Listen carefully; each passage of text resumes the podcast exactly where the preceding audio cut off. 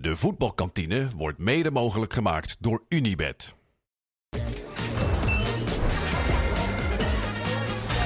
Wat een voetbalweek was het nu alweer. We hebben zoveel bij te pr- praten. Hercules bijna weer gestunt. Natuurlijk Feyenoord PSV, penalty. We gaan het er ook weer over hebben. Maar het allergrootste nieuws was misschien wel vandaag. Want ja, Ja, die zag ik niet aankomen. hij gaat weg. Ja, hij gaat weg na negen jaar. Jurgen Klopp. Ongelooflijk, Ja, ja. ik kan bijna niet voorstellen. Je, je moet echt graven voor wie daarvoor nou ook weer trainer was. Het, eh, ja, perfect bij de club. Heeft Wie was er voor eigenlijk trainer? Ik denk, is hij meteen uit Brandon Rodgers gekomen? Oh ja, dat Denk was toen die rare periode was dat. Je hebt natuurlijk, eh, als je het over Jurgen Klopp hebt, heb je het over... Ik ben voor hem of ik ben tegen hem. Heel veel mensen zijn voor hem. Ja. Jij? Nou ja, ik ben lange tijd tegen geweest. Maar dat had meer te maken met zijn houding langs het veld en naast het veld. Daar was kan wel heel erg tegen. Intimiderend zijn. Maar ik moet zeggen dat hij zo'n soort van rust heeft gevonden. En de laatste jaren, ja, ik zit toch een beetje in het midden. Heeft dat ze eigenlijk niet bestaan. Ja, een beetje wel. Dus ik vond het ook wel een eh, ja, emotioneel bericht om eh, te zien dat Ja. hij eh, gaat stoppen. Gaan we straks uitgebreid naar kijken. Met onze gasten. We gaan beginnen.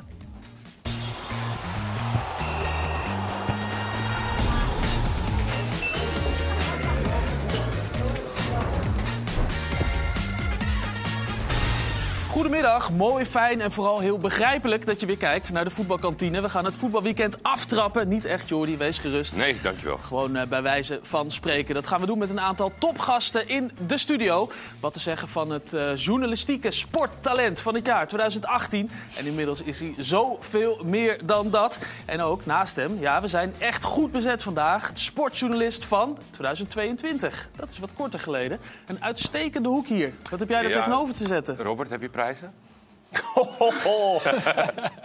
Voor je, Nou ja, voor je journalistieke werkzaamheden? Een kast vol. Nee, de- nee, ik heb nog geen journalistieke prijzen. Van de week hoorde Dat is ik in de, teleurstellend eigenlijk. in de podcast dat je probeerde een appartement te verkopen. Wil je het vandaag bij voetbal houden? Ja, ik ga het wel Ja? voetbal. Oké, dankjewel Robert Maaskant. En naast jou, bij je nieuwe club debuteren tegen je vader en dan twee keer scoren, daar gaan we het zeker over hebben. Blij dat je er bent, Thijs Oosting. Dankjewel. En aan eh, de bar zit onze dataman Max. Uiteraard komt hij ook vandaag weer eh, meer dan eens in actie. En eh, Nick is er ook. Die zorgt dat iedereen vrolijk is in de studio. Heel fijn, Nick. Laten we beginnen met het nieuws van Jordi. Jurgen Klopp. Was je ook zo geschrokken, Pieter? Nou, geschrokken niet. Maar ik zag het niet aankomen. Nee. En dat eh, is best zeldzaam in de huidige voetbalwereld... dat er een bericht naar buiten komt dat je denkt... goh, dat heb ik nog niet eh, duizend keer eh, overal voorbij zien komen. Meestal heb je die Fabrizio Romano die altijd al een, een tweetje heeft. En dan weet je al, er gaat iets komen. Nu helemaal uit het niets, toch Sjoerd? Ja, ook omdat het, er werd ook niks over gesuggereerd. Soms voel je ook wel eens een afscheid gewoon aankomen. Is het een soort van logisch en, en dan bouwt het zich dat op. Maar hij was natuurlijk eigenlijk net opnieuw begonnen met een toch een beetje hervormde selectie. En dat gaat best goed. Dus je denkt van, nou, die kan er wel even door. Maar het was een eh, puur persoonlijke beslissing en daar leek het op. Het was een filmpje zag. Ja, het was een pure persoonlijke beslissing. Ook een echt persoonlijk, emotioneel filmpje wel. Laten we er even naar kijken. Het duurt wel eventjes, maar je ziet echt die emotie bij Jurgen Klopp. Mijn vrouw belde. Ze zei dat er iets ergs was gebeurd. I have to. Um, I will leave the club at the end of the season. I can understand that it's uh, a shock for a lot of people in this moment when you hear it the first time, and um, but obviously I can explain it, or at least try to explain it, um, and I, I love absolutely everything about this club. I love everything about the city. I love everything about our supporters. I love the team. Love the staff. Love everything. That I still take this decision probably will or shows you that I'm convinced it's the one I have to take. Um, it is that I'm what can I say that I'm running out of energy. Um, I have no problem now. Obviously, I think I, I, I know it already for for longer uh, that I will have to announce that at one point. But um, I'm absolutely fine now. But I um, know that I cannot do the job again and again and again and again. And after all the years we had together and after all the time we spent together and after all the things we went through together, um, the respect grew for you, the love grew for you, and the least thing I owe you is the truth. Ja, Jurgen Klopp was dat. We hebben ervoor gekozen om het hele filmpje uit te zenden. Omdat Ja. je zo geweldig ziet hoe hij dat opbouwt. Hoe hij dat doet. Hoe hij kan spreken. Ja, wat ik, wat ik uniek. heel- vooral heel mooi vind. Hè? Ik vind het mooi dat hij, dat hij ook durft te zeggen... de energie is weg bij me. En dat kan ik me heel goed voorstellen na, na zo'n periode. Zeker bij zo'n hele grote club. Eh, maar op het moment dat je het dan uit gaat spreken... dus je zit daar... dan zie je ook bij hem... ondanks dat hij al lang weet dat hij gaat stoppen... Hij heeft het, dit praatje heeft hij natuurlijk voorbereid al... dan voel je toch die emotie nog doorkomen. Maar vind je ook niet dat echt er, uitspreekt. Vind je ook niet dat er een beetje theater bij zit? Nee, maar het is geregisseerd. Bedoel, alleen het shot al dat je, hem- dat je hem van de voorkant en vanaf de zijkant ziet... dan weet je wel dat er wat meer gebeurd is dan alleen dat. Sowieso, maar, maar bij Klop, en dat, dat is ook onderdeel van zijn karakter. Dus je kunt je afvragen of het dan geacteerd is. Maar er zit iets theatraals altijd bij, bij hem. Hij Ja, kan maar het dat- dat zo ik- goed dat je bijna denkt, dit is bijna, eh, dit is bijna een acteur. Ja, maar dat vind ik ook wel weer bij hem horen. Dat had hij natuurlijk vanuit dat hij van Dortmund die stap maakte... had hij dat ook al in Ja. zich. Hè? Dat, dat, dat overdrevene en dat, dat zeker in toen die tijd nog vaak langs die lijn heen denderen. werd ook wel eens over Ja, jou ik hou gezegd. Robert. Ja, ik snap dat je ervan houdt. Jij was ook een, trainer die, die Nou, maar ik ben, acteerde nou ja, nee, maar even, er zijn ook mensen die geen verstand van voetbal hebben hier aan tafel. Ik noem geen namen. Eh, Nou, aan jouw maar die tafel zijn- zit er maar één. Dat is ook lullig om zo te Nee. beginnen. Maar die, eh, eh, ik hou ook van zijn speelstijl. Ik hou van zijn, van zijn filosofie, van de directheid. Eh, ehm, ja, ik vind dat wel mooi. En een coach moet ook een beetje, een beetje acteur zijn. Ik wou net zeggen, heb je, het, no- heb je het ook niet nodig in het topvoetbal tegenwoordig om dat te kunnen? Nee, Vind ik ook. Ja. Leo Beenhakker is er, gro- is er ook groot mee geworden. Ja, absoluut. Thijs, kijk je veel voetbal? Ja, Gericht ja. naar het Engels voetbal ook? Eh, ja, ik ben wel denk ik meer voor het Spaans voetbal, maar Engeland is zeker. Eh, maar ik vind ook wel. Klopt, kijk, en Liverpool staan die hoog op je lijst van dingen die je leuk vindt om te bekijken? Oh, of ja. heb je andere... Ja, zeker. Ja, die spelen natuurlijk heel spectaculair voetbal. En dat is natuurlijk eigenlijk het leukste om te zien. Ja. Dus nee, eh wordt ook wel veel, veel gekeken. Ja. Ja. Pieter, dat zou je zeggen. Pepijn Leinders, na al die jaren schuiven ze door, maar die, gaat ook, die, die stopt ook. Die stopt ook inderdaad. Eh, ik had vandaag even kort contact eh, met hem ook. En hij zei, ja, vandaag gaat het allemaal om Jurgen. Dat is Ja. de hoofdtrainer die vertrekt. Moet vandaag eh, over eh, hem gaan. Eh, maar hij stopt inderdaad ook. En ja, het, waarschijnlijk is dat hij eh, op eigen benen weer wil Oké, want ze zijn echt een soort van twee-eenheid. Het kan- Het klinkt een beetje alsof Klop voor een sabbatical gaat. Ik dacht, ja, misschien doen ze dat wel eh, gezamenlijk. Maar... Zou kunnen, maar waarschijnlijk Elke wil hij zijn eigen carrière. Dus, nee, nee, nee. Ja, gewoon even allebei in de luwte. En dan als Oh. Jurgen ergens naartoe gaat, neemt hij hem weer mee. Zo bedoelde ik niet. Het is gezamenlijke jaren op Kan vakantie. hij altijd nog doen natuurlijk. Ja. Ja. En hij heeft wel het altijd zou- die ambitie gehad om het eh, op eigen benen te doen. Dus bij NEC natuurlijk geen groot succes geworden. Hij, kon daarna, hij was tweede assistent. Toen kon hij als eerste assistent kon hij terugkomen. Ja, en dan als eerste assistent doe je natuurlijk best wel veel. Klopt veel richting de media, met die spelers individueel. Maar eigenlijk ja, tactische besprekingen, trainingen. Er werd heel veel door Leinders eh, gedaan Ja. bij Liverpool. Persconferentie deed hij zelfs ook bij de League Cup. eh, dat, Ja. eh, dat soort eh, toernooien. Ook al een beetje om aan dat aspect eh, te wennen. En ja, nu ja, hoopt hij waarschijnlijk dat hij er klaar voor is. Wat misschien niet het geval was toen hij bij NEC begon. Nee. En toch zou ik hem niet adviseren om in Nederland trainer te worden. Nee, ik kan me voorstellen dat hij bijvoorbeeld in Portugal, daar heeft hij natuurlijk lang gewerkt bij Porto. Hij spreekt heel goed eh, Portugees. Hij zei wel eens tegen mij van, ik denk ook in het eh, Portugees. Als dat een Nederlander dat zegt, denk ik dat is raar. Maar hij heeft natuurlijk in zijn vormende jaren daar eh, gezeten. En dat, ja, misschien in die cultuur, dat het ook beter past dan dat hij hier in Nederland... Maar wat voor Portugese clubs moet ik aan denken waar, waar hij interessant voor is? Want gaan, gaan Porto en Benfica en Sporting Lissabon gaan die... Nee, ja, dan zal er waarschijnlijk misschien meer subtop of zo eh, zijn. Ik denk niet dat hij eh, bij Porto meteen eh, kan... Maar zijn wij instappen. er dan te cynisch voor? Want jullie zeggen allebei van niet naar Nederland gaan. Maar, maar waarom zou dat niet kunnen dan? Omdat ik denk dat we, even eh, als buitenwereld, hem al een stempel hebben gegeven... waar hij eigenlijk bijna alleen maar door zijn uiterlijk Ja. al niet meer zo snel vanaf Dus, dus wij zijn te cynisch. Ja, Maar het was, ik Sjoerd, het was destijds, bij zijn periode bij NEC, het was geen warm bad voor hem in, in de journalistiek. Nee, nee, nee. weet- ik kan me dat ook nog goed herinneren. Alleen, Ja. ja. is dat nu nog een reden om wel of geen eh Pepijn Nou ja, Leijners als, als trainer te nemen? Nou ja, als voor een, dan- voor een club ik vind niet. kwalitatief vind ik dat een iedere Nederlandse club Ja. Met hem aan de slag zou kunnen. Dat denk ik wel. Plus als je Dat dan bij een ook, club ja. zit, dan eh, word je ook nog wel eens aan je contract gehouden als je weer eh, eh, terug wil gaan naar je, naar je hoofdtrainer, toch? Zoals in die vorige periode. Nee, ik denk aan Jean-Paul van Gastel. Die, Oh, met, ja, ja, ja. Bronkhorst, Ja, maar dan heb je het ook over een club. ja. Niet zomaar een club natuurlijk, hè? Nee. Precies. Hij Zou je bij NAC willen, Leinders, als Van Gastel ooit vertrekt? Het is, het is een beetje een atypische combinatie, maar dat is ook een beetje gevoel. Maar waarom dat voetbal zal misschien wel weer passen. Ja, maar alleen dit al, Ja, Sjoerd, wat, je, wat je nu zegt. NAC staat ergens in de middenmoot in de eerste divisie. Je gepraat over iemand die met de absolute top van de Premier League gewerkt heeft. Ja, maar dat en wij in niks. Breda zeggen dan... "Mwah, ik weet het eigenlijk niet of het, of Nee, het nee, wel een nee, nee. combinatie is. Nee, nee, het gaat om de, het gaat om de gevoelsmatige combinatie. Maar ik zou het een leuk experiment vinden. Joh, we hebben alle soorten trainers al gehad. We dus zat nog een klein geëxperimenteerd in Breda, toch? Ja. Kan er nog wel bij. Daarom. Het kwam hard aan in ieder geval, het nieuws van eh, Jurgen eh, Klopp. Ook bij misschien wel Nederlands grootste Liverpool-fan. Hij wordt wel eens verward met Jurgen Klopp, maar het is toch echt James Worthy. Mijn vrouw belde. Ze zei dat er iets ergs was gebeurd. Dus ik denk gelijk dat er iemand is overleden. Morgan Freeman, Tom Jones, Peter Lussen. Maar nee, zei ze. Het is nog veel erger. Jurgen Klopp stopt na negen jaar bij Liverpool. Negen jaar geleden speelden we nog met spelers als Simon Mignolet, Joe Allen, Jordan Ibe.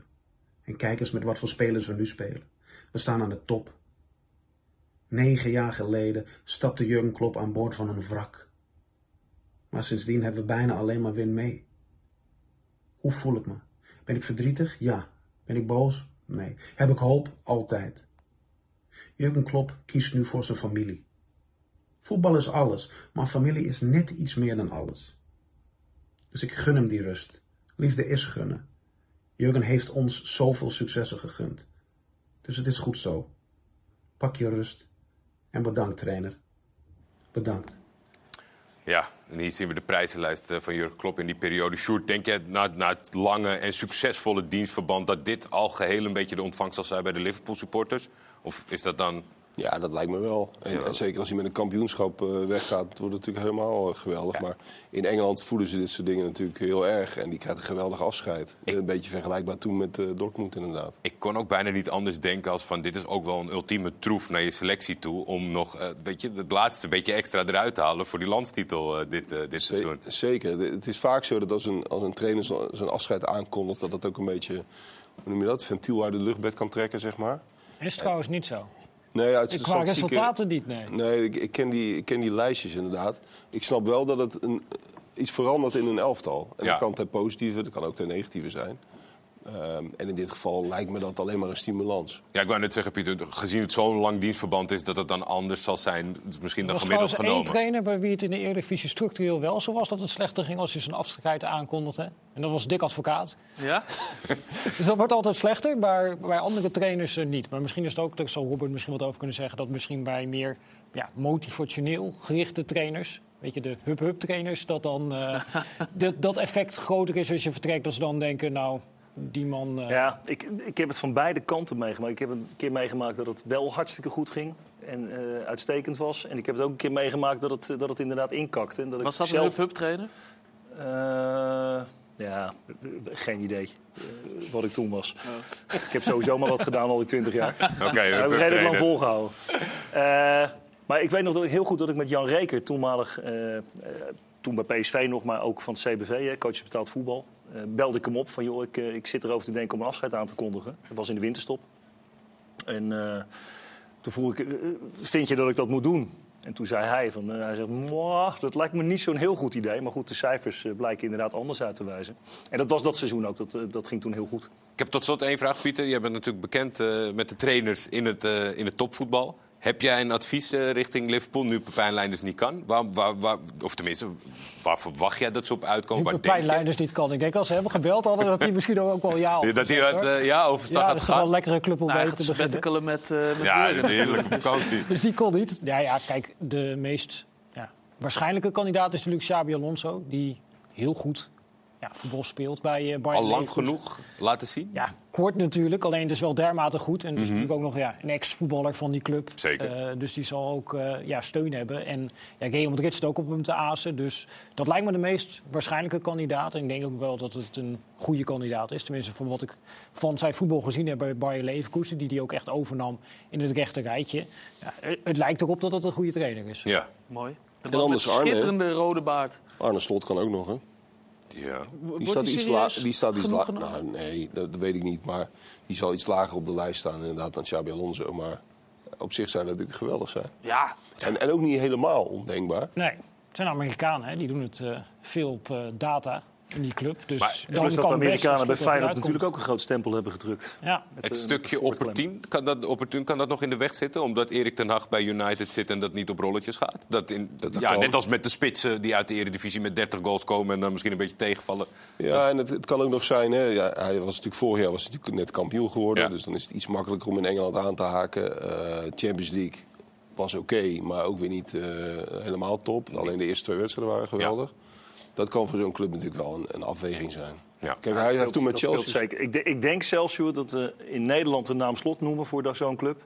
Maar dat hij in Engeland helemaal niet genoemd wordt. Nou, maar, maar oké, maar Liverpool is wel een club die... Kijk, Jurgen Klopp had het bij Dortmund natuurlijk goed gedaan... maar er was, was ook nog geen gevestigde naam in heel Europa... en ook niet in de Premier League. maar hij werd wel bij Tottenham eh, Hotspur genoemd. Dus dan is het verschil dan bij, bij Liverpool zo ja, gigantisch. Misschien toch wel weer een niveauverschil. Ja. En ze hadden hem toen gepakt. Ik gun het hem, Klopt. trouwens. Ook op basis van data. Dus die stonden, dat was het jaar dat ze eigenlijk 18e stonden lang in de Bundesliga. En hele goede onderliggende data hadden. En eh, ja, hebben ze hem toch gepakt omdat ze dachten... eh, ja, de prestaties zijn beter dan wat er eh, op dit moment eh, uitkomt. En eh Klopp raakte overtuigd van het datateam van Liverpool... toen hij op een gegeven moment... eh, ja, een van die analisten sprak en die had het over een wedstrijd in dat seizoen... waar Volgens mij hadden ze met 3-0 verloren. En die analist die begon ook over. Dat zei, ja, ongelooflijk. Jullie die toen met 3-0 verloren hebben. Ik zeg, je hebt die wedstrijd gezien? Ja, dat was echt ongelooflijk. En die begon ja, een kwartier te verhalen over hoe onmogelijk het was dat Dortmund die wedstrijd... Alleen, die jongen had die wedstrijd nooit gezien. Die had alleen de data van die wedstrijd Oh. gezien.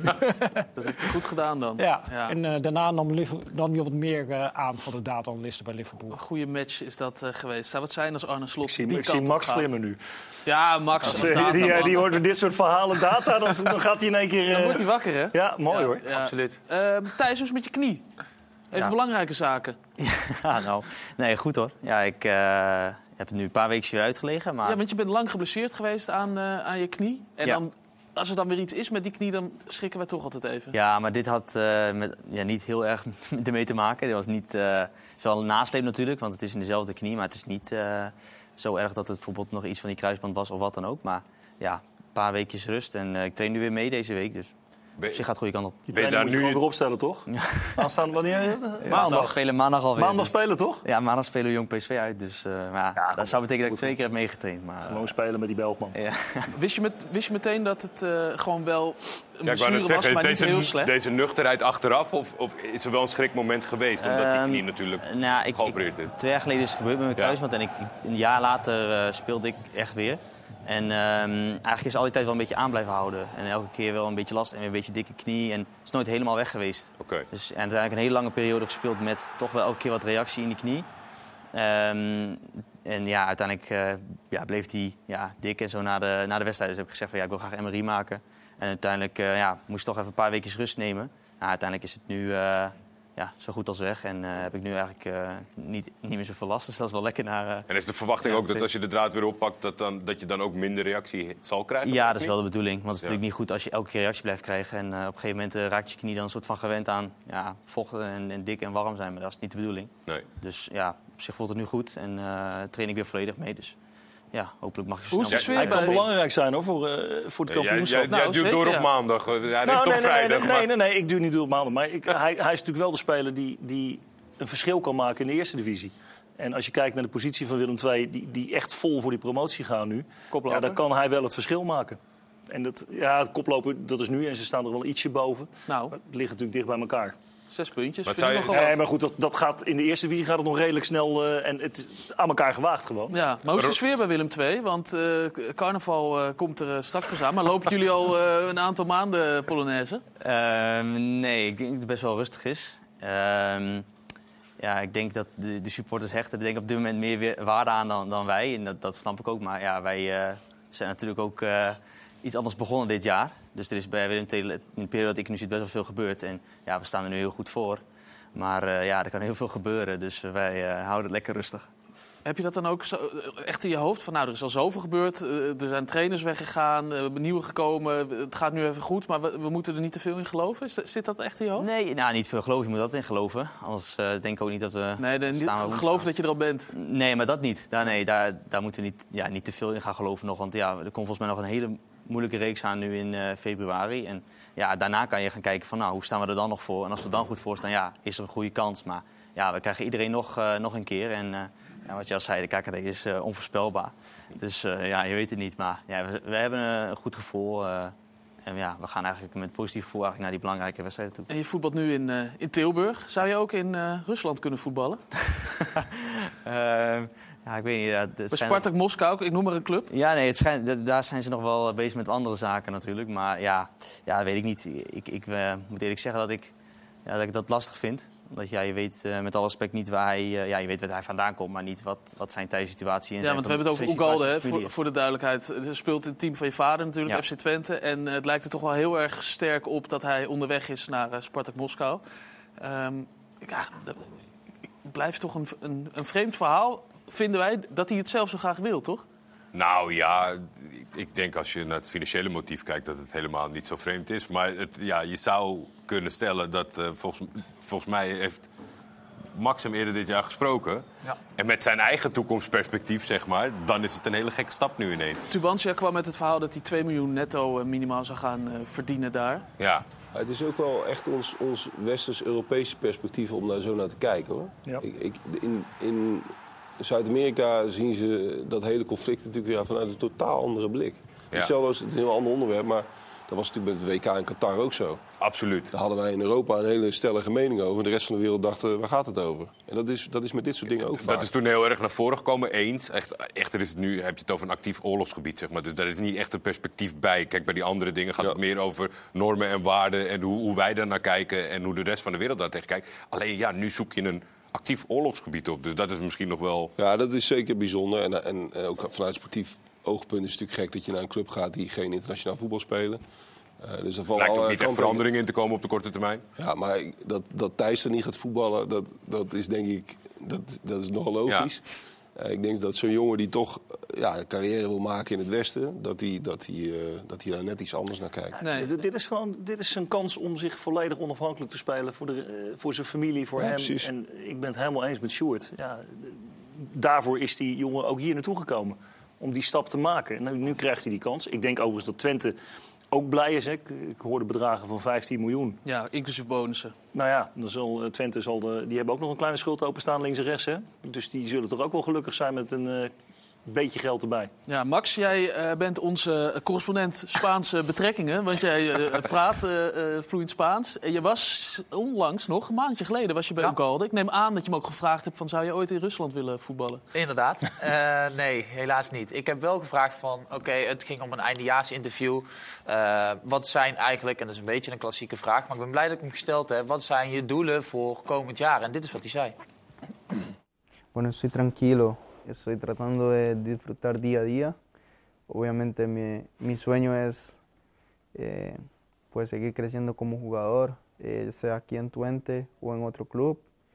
Ojalá sea en, en- en una liga mejor, en un club mejor, pero este, si eso no pasa, estoy feliz acá, estoy tranquilo. Estamos peleando puestos de, de Champions League, que es muy importante.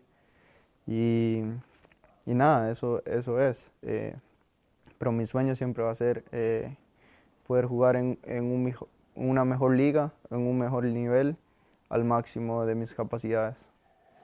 Nou, een hoger niveau, een hogere competitie. Daar eh, gaat hij dus nu Nou, wat ik opvallend toe. vind. eh, dit is de eerste keer dat ik iemand van Twente hoor uitspreken dat ze voor de Champions League willen spelen. Heb ik nog niet gehoord bij Twente. Nee, maar ja... Het is allemaal verstopt. Zelfs zegt- je vader, daar moeten we even over hebben nog. Nee. nee, maar we zijn aan het ontwikkelen en we willen alleen de spelers Maar hij beter niet dat hij het met FC Twente En we wil, hè? Nou ja, hij geeft wel aan dat ze met Twente ook daar naar kijken. Ja.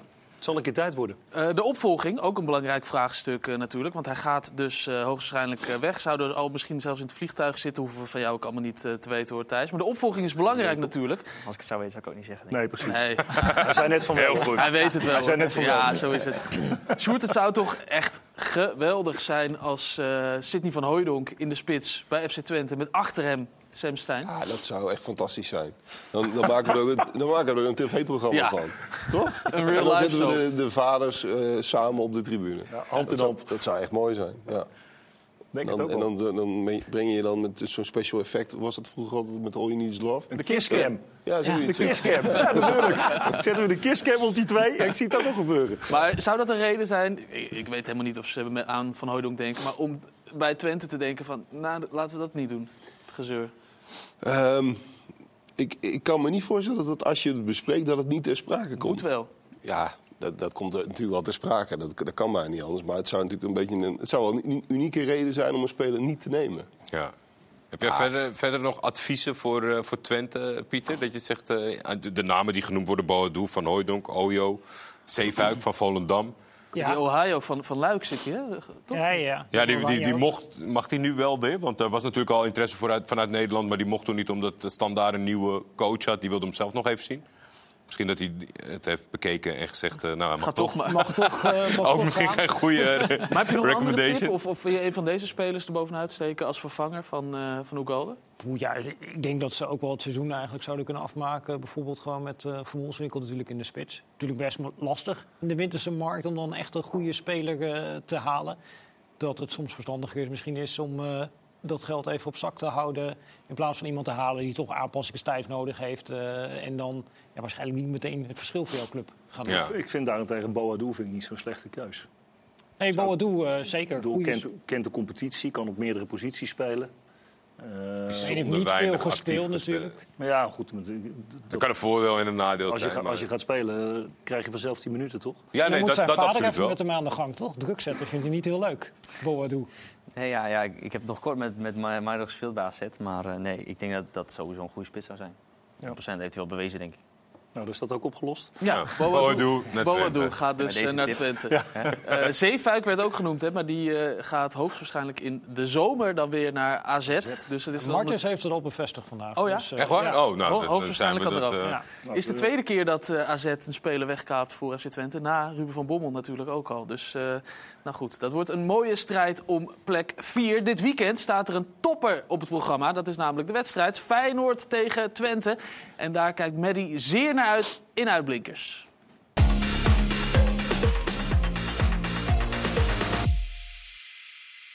Voor het eerst sinds het seizoen 2001-2002 geven de eerste twee plaatsen in de Eredivisie weer recht op rechtstreekse deelname aan het hoofdtoernooi van de Champions League.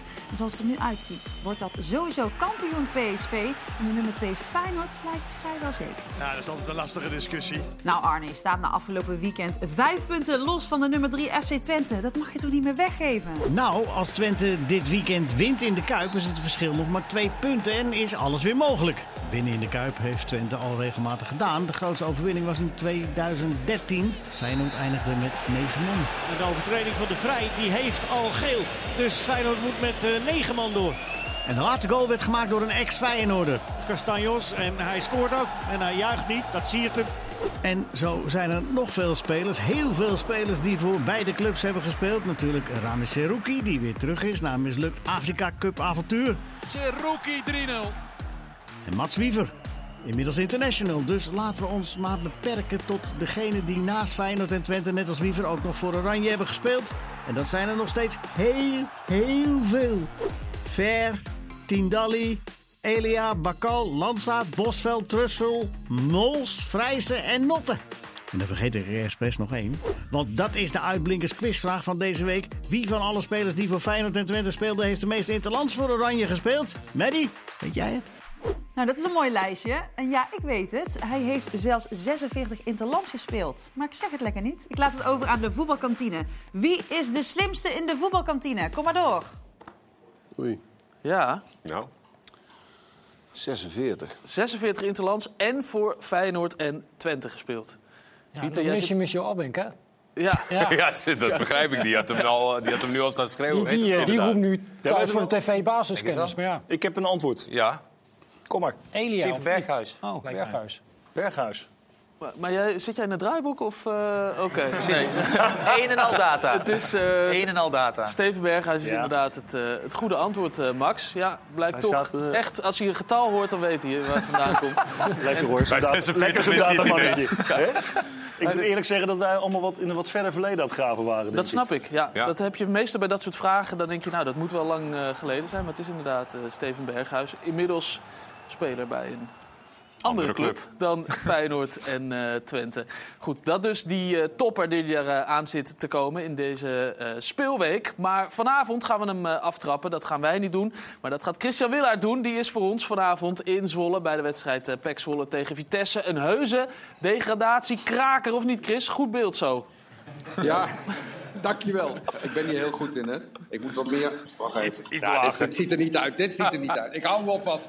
Ja, ik wou laten zien dat ik in de persruimte zit. waar dat zien nog, we. eh, Waar het nu nog heel rustig is. Bedankt, bedankt. Jij ziet, ik, doe, ik, ik maak privé niet zo eh, dit soort filmpjes. Zoals jij, Wouter, de hele tijd. Dus Ja. ik ben hier niet zo goed in. En, en ik kom ook net van de Chinees natuurlijk, want het is vrijdag.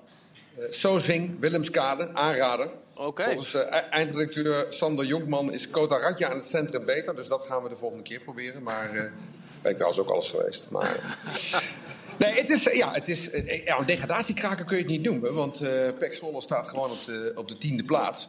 Maar goed, als je kijkt naar eh, die 20 punten die ze hebben. De nummer 15, Herakles, die heeft er 19. Dus eh, het- ja, een paar slechte resultaten. En het kan heel snel de verkeerde kant op gaan. Ja, Vitesse staat door het gelijkspel van Volendam laatste. En dan is iedere wedstrijd natuurlijk van levensbelang, zeggen we dan. Ehm, en Edward Sturing heeft het ook wel gezegd. We moeten nu echt punten gaan halen. Er komt nu ook wel een programma met een paar eh, wedstrijden waar ook wat, eh, wat perspectief eh, in zit. Een programma in ieder geval zonder toppers. Drie van de komende vier wedstrijden zijn tegen ploegen uit het rechte rijtje. Ja, dus als er nu geen punten komen, dan weten ze in ieder geval zeker dat ze tot op het allerlaatste zullen moeten vechten op het tandvlees om in die Eredivisie te blijven. Ja, over allerlaatst gesproken en over het tandvlees. Eh, Vooral Pek Zwolle heeft het... eh, daar gebeurt veel in de laatste minuten. Laten we het daarop eh, op houden. Even, Chris, blijf vooral hangen hoor, want Max heeft het helemaal uitgezocht. Wat is er met die laatste minuten en Pek? Ze verspelen onwijs veel punten. Als je een ranglijstje gaat maken van de punten die ze winnen. Want ze scoren ook regelmatig wel gewoon nog in de laatste minuten. Bijvoorbeeld tegen Ajax, eh, tegen Almere City. Maar als je daar een balansje van gaat maken... dan hebben ze al zeven punten verspeeld in het eh, laatste kwartier van de wedstrijd. En zo, dat gebeurde afgelopen weekend natuurlijk ook weer tegen AZ. Eh, dus PEC, ik zou zeggen, blijven sowieso altijd zitten tot het einde van de wedstrijd. Want er gebeurt heel erg veel. Ze krijgen veel doelpunten tegen, maar... Aan de andere kant is het ook alweer zo dat alleen Feyenoord meer doelpunten maakte na de eh 80ste minuut dan PEC Zwolle. Dus altijd, altijd blijven zitten bij PEC. Altijd blijven zitten bij PEC. Veel spektakel in, eh, in die laatste minuten. Soms zit het ze mee, maar vooral tegen dus. Zeven punten al verloren in eh, het laatste kwartier. Dat is niet mis. Chris, eh, jij gaat eh, ongetwijfeld blijven zitten tot de laatste minuten. Gaan we vanuit. Misschien Ja, wel. eh, altijd. ja, oh, je bent inmiddels aan het, aan het Ja, ik bewegen ga, zelf. ik ga een loopje maken, want het ziet er niet uit hier, hier binnen. Maar kijk, ik, ik, ik ken hier de weg. Hier, kijk, hier mag je dus eigenlijk niet komen. Kijk, daar zitten de spelers. Die kijken ook heel boos. Wat doet die Willaert hier? Loop gewoon door. En dan gaan we eventjes naar het stadion. Dan kunnen we even, even, het- even, even het veld zien. Even, even proeven. Ja, dat willen Kijk. we. Eh, kijk, hier, zo loop je dan, hè? Moet je kijken, het ziet er niet uit hier. Het lijkt, lijkt wel een soort opslagtent. Maar dan kom je hier. Oké, goede beurt voor Peck. Nee, maar, nee, maar kijk, kijk. Kijk. Nu wordt het Ah, lekker hoor. horen al wind. Stadion lichtjes aan. Kijk, kijk, kijk. Dit is, dit is, nu ben ik weer in mijn element. Nu ben ik weer in mijn element. Een beetje licht op het gezichtje. Zo, ja. Wat was je vraag ook alweer? Ik wilde graag van je weten of iedereen fit is. Eh, nou, niet iedereen is fit. De meeste eh, spelers wel. Er zijn ook een aantal jongens die eh, terugkomen van eh, blessures. Zoals McNulty bijvoorbeeld. Die is er ook gewoon weer bij, is de verwachting. Alleen wie er niet bij is, is Johnny Jansen. Die is ziek. En ja, ik kan hem niet interviewen. Het is toch een beetje mijn vriend Johnny Jansen. Altijd leuke gesprekken met hem. Maar hij wordt vervangen door Henry van der Vecht. Nou, die kennen we ook. Ook helemaal prima natuurlijk. Maar ja, de hoofdtrainer is dus ziek thuis. Ja, dat is een groot gemis voor uh, Pek Zwolle. Geen uh, Johnny Jansen dus bij jou aan de desk, maar wel Henry van der Vecht. Ook uh, gezellig. Chris, dankjewel. Ga lekker bijkomen van de Chinezen, want dat is jouw bijgeloof. Nog even voor de duidelijkheid. Elke vrijdag, als je een wedstrijd doet, Chinezen. En dan komt het in ieder geval goed. Ga daarvan bijkomen en heel veel plezier met Pek tegen Vitesse. Dankjewel. Oké, okay, Chris, dankjewel. Mooi, Henry van der Vecht. Uh, mee samen gevoetbald bij, bij Zwolle ook. En zijn bijnaam is Abe omdat hij ooit een keer een proeftraining bij Heerenveen had gedaan. Sindsdien werd hij Abe genoemd. Eén keer heeft hij... Uh, heeft ooit een keertje die kant op geweest vanuit Kampen. Daar komen ze vandaan. Met Jaapie Stam kwam hij tegelijkertijd uh, naar, naar Zwolle toen die tijd. Dus ik denk dat Chris hem best Abe mag noemen vanavond. Dat is een goede tip voor hem. Kijken, ja. wat, er, kijken wat er gebeurt. Het is bijzonder spannend. Chris zei het al, want ja, is er nou wel of geen middenmoot eigenlijk? Dat, dat is de grote vraag. Het opvallendste is nog wel dat nummer uh, 9 tot met 15 op één punt staat van, uh, van elkaar. Uh, Pieter, je hebt ook wel analyses proberen te maken van, uh, van de middenmoot van de Eredivisie en het gebrek daar misschien wel aan. Is dat nou goed of slecht? Nou, ik denk dat het vooral slecht is dat het niveauverschil tussen de hele competitie dat best wel groot is. Uh, en een gevolg daarvan is dat ja, dat is ook ieder jaar met de VE seizoengids. Dan moet je die voorspellingen inleveren. En ja, vanaf plek 8 tot en met plek 18, dat is gewoon wild gokken. Uh, en dat kan ook nog zijn dat jij in uh, speelronde voor het einde helemaal goed zit. En dat je dan daarna helemaal fout zit. Omdat iemand nog van uh, plek 14 naar plek 8 gaat en andersom. Je zou, dus het moeten, je zou het moeten gaan voorspellen vandaag. Ja, nou, dat is, ja, dat is eigenlijk niet te doen. Nee, dat is eigenlijk niet te doen. Nee, dus het is, zelfs plek het is 6, slecht hè? voor jouw VI seizoengidsvoorspelling. Maar is ja, het is eigenlijk gewoon een intern probleem. dat het zo dicht naar elkaar toe is gegroeid. nee, maar ik denk ook voor de competitie als geheel dat... Ja, je ziet natuurlijk nu veel, ze hebben bijvoorbeeld PSV, dat die 17 wedstrijden op rij Uh, dat is omdat PSV heel goed is. Maar het heeft ook iets te maken met uh, de rest van de competitie. Omdat je gewoon best wel veel wedstrijden hebt die zij gaan spelen. Waarvan je van tevoren weet, ja, die gaan wel weer drie punten pakken. En dat is denk ik uiteindelijk voor een competitie niet goed. We zijn juist de afgelopen jaren zo opgeklommen in Europa. Hè? Is, is dit dan iets, een signaal waaraan je zou kunnen gaan zien van... oh, dat gaat ook, gaat ook weer wat minder? Of heeft dat niks met elkaar te maken? Ja, wordt vooral een probleem als meer teams Europa ingaan. Ja. Dan moet je daar de coëfficiëntenpunten door uh, delen. Ik denk dat we wel vijf goede teams hebben. Dus daarmee kun je een heel eind uh, komen. Stel dat Nederland er zes of zeven moet gaan afvaardigen, ja, dan wordt het allemaal wat ingewikkelder. Het wordt in ieder geval heel spannend wie er uh, de beker gaat winnen. Hè? Want dat, dat moet wel een, een, team zijn dat ook mee kan in Europa. Want anders gaan we daar een hoop punten aan, uh, aan verliezen. Want die gaan direct de Europa League in. Ja. Ja, en het is helemaal anders sowieso uh, met de tickets uh, dit seizoen. Dus dan moet je ook een halve wiskundige zijn om dat uh, ja, te begrijpen. Dat vraag ik me af. Wat, hoe gebeurt nou? Laten we heel gek. Feyenoord, die loten meestal thuis. Hè, dus die, die, winnen, die winnen die beker, maar die worden ook tweede. Ja, dan Neem elkaar de Champions League. Daar gaat Champions League voor. Ja, en maar wie gaat er dan? vervalt het bekerticket. Dat en vervalt en dat gaat dan naar nummer 5. Nee, dat is dan naar de nummer 4. nummer 4 nummer vier of nummer 5, ja. Nee, maar dan wordt, er wordt een directe Europa League, Europa League plek. Ja, en dat is weer hoofdfase Europa League. Want ook die, al die Europese toernooien gaan natuurlijk op de schop. Dus dat is niet meer zoals we het ja, kennen. Je krijgt het hele format veranderd. Nee, precies. Ja. Maar dat houdt dus in dat, dat bijvoorbeeld een Ajax... nu nog maar drie punten wegstaat van een directe plaatsing voor Europa League. Ja, mits... Dat geeft alweer een heel ander... Ja, mits ja. Feyenoord de beker wint. Maar ja. dan zou Feyenoord Daar ga je een beetje helpen. vanuit, hoor ik. Dat Feyenoord de beker wint. Nou, ik zou het niet gek vinden. Schrijven we dat in ieder geval op. het is in ieder geval gunstiger en logischer dan in, jou, dan in, in jouw tijd. Want jij bent Willem II was een bekerfinale verloren. Toen gingen jullie Europa in. Ja. En dat toen, is, we in de halve finale, toen wisten we in de halve finale wisten we al dat we Europees gingen spelen. Omdat die andere drie zich al geplaatst, geplaatst hadden. Geplaatst hadden voor de competitie. Nee, wij speelden toen tegen PSV, die kampioen was geworden. Mm -hmm. Nou, dan heb je dus, en wij schakelden Ajax uit. Dus ja. Dit is voor de coëfficiënten logischer en beter. Ja. Maar voor de romantiek wat minder. Ik wou zeggen, ik ben ook geen uh, voorstander van... Het is ook een wiskundig van, programma geworden. Het wordt een wiskundig programma. Ja. Het gaat mij inmiddels een beetje boven de pet. Dat betekent dat ik even ga bijkomen. Dat uh, we straks terug gaan komen. En dat we het uitgebreid gaan hebben over dit weekend. Wat er allemaal nog aan zit te komen. Maar ook over deze man, Thijs Oosting. Want hij heeft echt wel wat mooie doelpunten gemaakt al dit seizoen. En er was genoeg reden om te juichen bij zijn tijd bij Willem II tot nu toe. Straks daar meer over. Pas op voor die knieën, Thijs. Niet doen!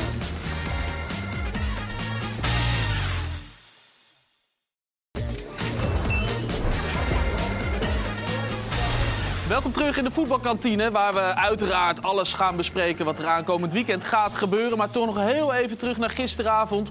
Want wat was het mooi. Hercules tegen Cambuur Leeuwarden. Het was bijna een nieuw bekersprookje, maar toch net niet. We hebben een van de hoofdrolspelers van gisteravond aan de lijn, op beeld zelfs. Uh, Oussama Lari, goedenavond. Goedemiddag, wat is het? Ik moet altijd heel erg oppassen met die tijden. Goedemiddag is het nog. Ben je een beetje bijgekomen van gisteren? Goedemiddag, ja, ik ben uh, een beetje bijgekomen.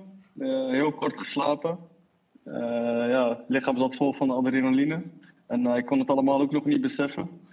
Alleen eh, ja, hier een interview en daar een interview. En dan eh, besef je wel eh, wat er gisteravond is gebeurd. Ja. Ja, het belangrijkste wat er gisteravond is gebeurd... is dat je een, een wereldgoal hebt gemaakt. Hoe vaak heb je die al teruggekeken? Ik denk eh, de hele avond bijna. Ik heb de samenvattingen teruggekeken en eh, ook eh, ja, een paar shorts langs zien komen van de wedstrijd. En eh, nee, ik heb hem echt een paar keer teruggekeken dat ik dacht van oké, eh, die zat er aardig in. Maar het schijnt dat je dit niet heel vaak vaker doet, toch? Of, of, of stiekem wel? Nee, het is niet dat ik erop train met een aantal voorzetten en dat ik een omhaal doe. Maar eh, dit keer kwam die er heel soepel uit. Ja, het zag er toch wel uit alsof je het, alsof je het vaker doet. Wat voor reacties heb je allemaal gehad? Ja, hele leuke reacties van eh, vrienden, familie en ook van mensen die ik niet ken, die me dan eh, eh, ja, ja, feliciteren met de doelpunten, maar helaas, het resultaat zat niet mee. Ja, je, ziet je ziet er eigenlijk wel content al uit nadat het toch op een ja, desastreuze manier fout ging gisteren. Heb je het al een plekje kunnen geven? Kijk je er al terug op met trots? Of zit je toch nog wel een beetje vol ja, teleurstelling slash woede misschien Ja. wel over het verloop van de wedstrijd? Nee, dat niet. Nee, nee, ik kijk er wel met trots op terug. Want eh, ja, niemand had gedacht dat we zo ver zouden komen in de beker. En dat je dan Ajax eruit haalt, dat is al een ding. En dat je het Cambuur heel erg lastig maakt. En eh, in de wedstrijd zeven doelpunten vallen, dat zie je ook niet heel vaak voorkomen. Maar ik denk dat nu wel eh, de trots overheerst. Toch ook nog even kritisch hoor, want we zijn natuurlijk een, een zeer kritisch programma ook. Wat, wat deed jij bij die eh, penalty eigenlijk? Wat was de bedoeling? Nee, de bedoeling was om die bal weg te schieten. Maar hij kwam van, ja, zoals je ziet, komt hij uit mijn rug vandaan. Maar ik zag hem niet. Dus ik dacht, ik tik de bal. En 9 van de 10 keer raak je de bal dan ook. Alleen dit keer zat hij er goed bovenop, ja. Het duurde wel lang, hè, dat eh, kijken. Er was natuurlijk een VAR, dat was al eh, eh, apart in, voor, voor jullie. Had je, had je wel zoiets van, ja, hij gaat hem nog wel geven, want het duurde zo lang. Op een gegeven moment dacht ik, nou, mi- misschien wel niet. Ja, het is best lastig, want mijn been kwam tussen zijn benen terecht. En of ik dan echt wat raak, ja, ik voelde wel wat, maar ik dacht dat het de bal was. Maar het bleek achteraf zo mee te zijn, dus... eh, Je hebt goed, eh, goed gekeken naar het interview van Mats Wiever, eh Oussama. Heb je een zaakwaarnemer eigenlijk, Oussama, of niet? Nee, dat niet. Nee? Wat dan? Ja, Sjoerd heeft niks te doen. Die, die moet, nee, die moet zo'n videootje maken met die omhaal een paar keer erin. En dan moet hij die penalty eruit laten. Ja, de- En dan opsturen naar een mooie Spaanse club in de tweede divisie of zo. ja, of, of of? Litouwen of eh, Polen. Je kan overal naartoe, denk ik. Eh, dankjewel voor de tip, ik zal het, eh, ik zal het zeker gaan gebruiken. Ja. Hoe is het? eh, ja, oh ja, trouwens, we, we hebben, daar zaten we over na te denken. Maar jij gaf ook die assist op, op Tim Pieters hè, tegen, tegen Ajax. Want als we het dan toch hebben over een, een highlight reel... dan moet deze die ook, moet deze bal. in. Hallo. Ja, ja. Ja, dit zijn ze. doen, dus. Het was een intikkertje vanaf hier. Hij hoeft verder niet veel meer te doen. Hij hoeft niet veel meer te doen. Heb je in ieder geval drie momenten die, er, die erin kunnen, inclusief eh, die penalty. Hoe, hoe is het gisteravond verder nog gegaan? Want na Ajax was het natuurlijk een gekkenhuis en we zagen eh, beelden van jullie trainer op de bar. Heb, heb je nog een, eh, nou, een herinnering aan gisteravond, na de wedstrijd? Nee, niet echt. Nee, wel eh, als team leuke woorden gehad van eh, de trainer van Cambuur, Henk de Jong. Die ons dan eh, de- even de kleedkamer eh, binnenloopt en ons ook allemaal eh, een compliment geeft. Dat zie je ook niet heel vaak voorkomen. En voor de rest, ja, de kantine in geweest bij de club en daar met z'n allen ja, de bekeravontuur afgesloten. Henk de Jong die zei trouwens, ja, als jullie zin hebben, mogen jullie wel komen kijken bij onze volgende ronde in, in Leeuwarden. Wat vond je daarvan? Ja, ik waardeer het, maar op een dinsdag of woensdagavond naar Leeuwarden gaan, ik weet niet of dat te doen is voor ons vanuit Utrecht. Maar daar moeten we dan als, even als team naar kijken of dat eh, haalbaar is inderdaad. Maar eh, nee, heel fijn dat we die uitnodiging hebben gehad en eh, dat waardeer ik ook. Je hebt niet gezegd, zoek het maar uit. Hij is beter gevallen dan ik had verwacht toen ik het hoorde. Henk de Jong moet even Nee, een nee. hotel boeken ook. Ja, nee, dat- maar Inclusief hotel, als Henk dat nou regelt. Nee, dan is het helemaal top. hè. Dan gaan we met z'n allen. Sjoerd heeft alleen maar goede ideeën eh, vandaag. Osama, eh dankjewel dat je nog even een eh, day after wilde bespreken met ons. En eh, succes daar. En Sjoerd komt eh, met een goede zaak nemen voor je. Anders ga ik het zelf ik wacht op Sjoerd dan. Ja, is goed. Goed. Dankjewel. Hey, tot ziens. Ja. Heracles Cambuur, hoe heb je gisteren zitten kijken, Sjoerd? Hercules. Hercules, sorry. Ja. nee. Ja, nee, het, het was, eh, het was fantastisch. Echt, alles klopte. Met het sportcomplex, het was nog beter geweest als het bij Hercules was geweest. eh, voor, de, voor het totaalplaatje. Maar de wedstrijd was echt, echt waanzinnig. Ook die bal op de paal nog in, en op de lat in de laatste minuut. Aan allebei de kanten, zelfs Ja. eh, Cambuur, maar ook Hercules daarna Ja, weer twee onge- keer. Ja. Ongekend. Enorm genoten. En ook van, ja, sowieso van Hercules. Ook tegen Heb jij genoten, Robert, van eh, de tweede helft vooral van eh, Hercules Cambuur? Nou, ik was wel heel nieuwsgierig hoe, eh, eh, hoe Cambuur het voor elkaar ging krijgen. Als je zag hoe Hercules goed stond verdedigend. Eh, en inderdaad wel vrij veel mensen terug, hè, met de linies kort op elkaar. Dus ik vond het wel, eh, wel aardig tactisch neergezet. En ik had er eerlijk gezegd niet zoveel verduzie in dat Cambuur hier nog maar even doorheen Nee, ik ging hoor spelen. het ook wel van mensen die de tv hebben uitgedaan naar de... Heb ik ook gehoord, ja. Ja. ja. ja, Nee, ik, ik, ik zal alle eerlijkheid antwoord geven, Wouter. ik heb hem uitgezet, omdat ik dacht dat het klaar was. En eh, ik, werd 's morgens, eh, ik werd 's morgens wakker en ik eh, ben nog van de uh, teletext-generatie. Nee, natuurlijk niet. Ik heb gewoon op ESPN gekeken. ESPN Goal. En daar zag ik alle doelpunten keurig netjes voorbij komen. En zag ik dat alsnog Cambuur. Het is Henk de Jong gegund en Cambuur ook. Maar ik vind het jammer voor Hercules. Pieter, het is veel gegaan over dat eh, eh, de kwaliteit van de amateurs dichter bij de profs komt. Maar uh, Hercules heeft natuurlijk redelijk verrast met Ajax. Kijk je er dan van op gisteren dat een Cambuur het zo moeilijk hebt... die zich eigenlijk niet kan laten verrassen door het resultaat in de vorige ronde al? Nee, niet verrast. Maar ja, ik denk dat het gewoon wat eh, Robert zegt. Dus ze gingen compact verdedigen. Voorin hebben ze best een paar handige spelers... die vaak ook allemaal in van die profopleidingen hebben gezeten. Dus Mhm. niet dat ze er niks eh, van kunnen. Maar ze hebben gewoon andere prioriteiten op een gegeven moment gesteld in hun leven. En dan, ja, als je het goed dichtzet en je bent redelijk fit... je zag wel in beide wedstrijden dat in het ja, laatste kwartier... dat het toch ook een beetje op eh, begon te raken. maar dat ze best lang vol kunnen houden. Extra knap dat ze nog gelijk maken in die verlenging Ja, dan. zeker. Is de trainer? Want de trainer was hier natuurlijk twee of drie keer per week maar. Ja. Toch? Ja, Ja. dat, is Kooi natuurlijk, was- eh, Ja, het is dat wel, ga je eh, merken in het laatste kwartier. Ja, en je had ook niet, ik had ook niet verwacht hoor. Dat, eh, ik dacht, eh, nou, dat zal nu wel Cambuur Precies, na de vorige gaan. wedstrijd dan laten ze zich niet eh, verrassen. Nee, alle Wel- complimenten. Wel ook een, eh, goede trainer, René van der Kooi. Zat Zeker. hier, hij schijnt overal aan te willen schuiven. Er worden wel grapjes over gemaakt eh, bij, bij Hercules. Maar het is inderdaad een, een goede trainer die... Zou, zou jij ook doen, toch? Als je met zo'n club Ja. zo'n succes hebt, dan Oh, gewoon absoluut. overal aanschuiven. Ik zou overal Hij- Hij is een paar dagen, eh, dat weet bijna niemand, bondscoach geweest van het nationale elftal van Tibet. René van der Kooi. Ja, echt waar. Sterker nog, we hebben met JK4 tegen Tibet gespeeld. Echt gewonnen? 1-1. Ja, echt waar. Toen, de- die hadden Zag jij toen- toen al in de trainer zitten qua opstelling bij de Nee, Tibetanen? Nee, maar ik dacht wel, ik zag hem toen terug. Ik denk, verrek, dat is die man. Want eh, eh, Tibet, heel kort, zal ik het samenvatten. Tibet had een Nederlandse trainingsstage. Dat was in Maasland, bij Maasluis is dat in de buurt. Daar was hij coach. En die heeft zich toen een paar dagen over dat team ontfermd. Hij heeft ze tot grote hoogte gebracht. Nou, ze terugvlogen. Toch een soort eh, interland gespeeld. Heel leuk, Robert. Goed, mooi bruggetje. Ja, eh, tot grote hoogte. En Tibet, schitterend. Een goede trainer is, eh, is heel belangrijk. Jullie hebben een hele goede trainer, Thijs, bij Willem II. Wat is er nou zo goed aan die, aan die Peter Maas? Want het is, het is een gezellige Belg, vind ik. Hij, hij, hij- ja, hij komt goed over, maar wat maakt hem zo'n goede trainer? Ehm, ja, de resultaten spreken voor zich, denk ik.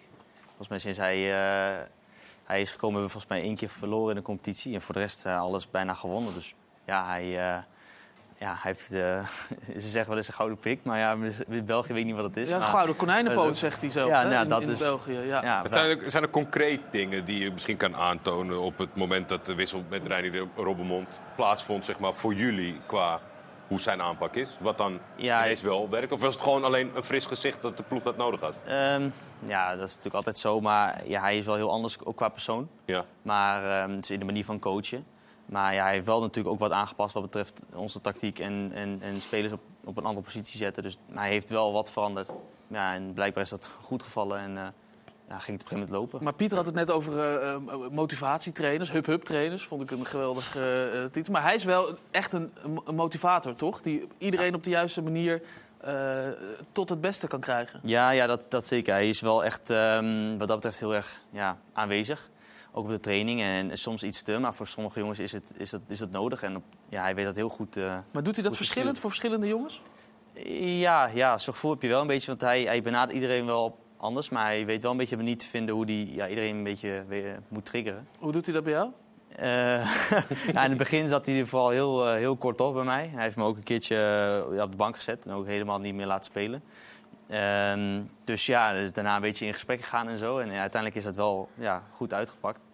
Ehm, omdat hij bepaalde dingen verwachtte. En ja, ja, dan moet je ermee aan de slag. Hij is de hoofdtrainer. En ja, uiteindelijk komt het alleen maar ten goed op dit moment. ik vind het wel mooi, Peter Maas is, want, want, eh, je, je zet hem even weg als gemoedelijke Belg, maar eh, hij heeft denk ik Nou, al een kleine duizend, Belg, zei ik volgens duizend wedstrijden eh, eh, gecoacht inmiddels al, ook in België. Jupiler natuurlijk. Pro League. Grote staat van dienst daar, maar ook een veel eisende trainer, hè? vergis je niet. Eh, eh, als je kijkt naar hoe hij eh, eisend is, en dat vind ik dan wel mooi om te horen, ook wat Thijs nu zegt, hè, van ja, hij heeft me op de bank gezet en daarna weer verder geholpen. Het schudt je toch even wakker als speler. Zeker als jonge jongens, zoals, nou, zoals jij dat bent.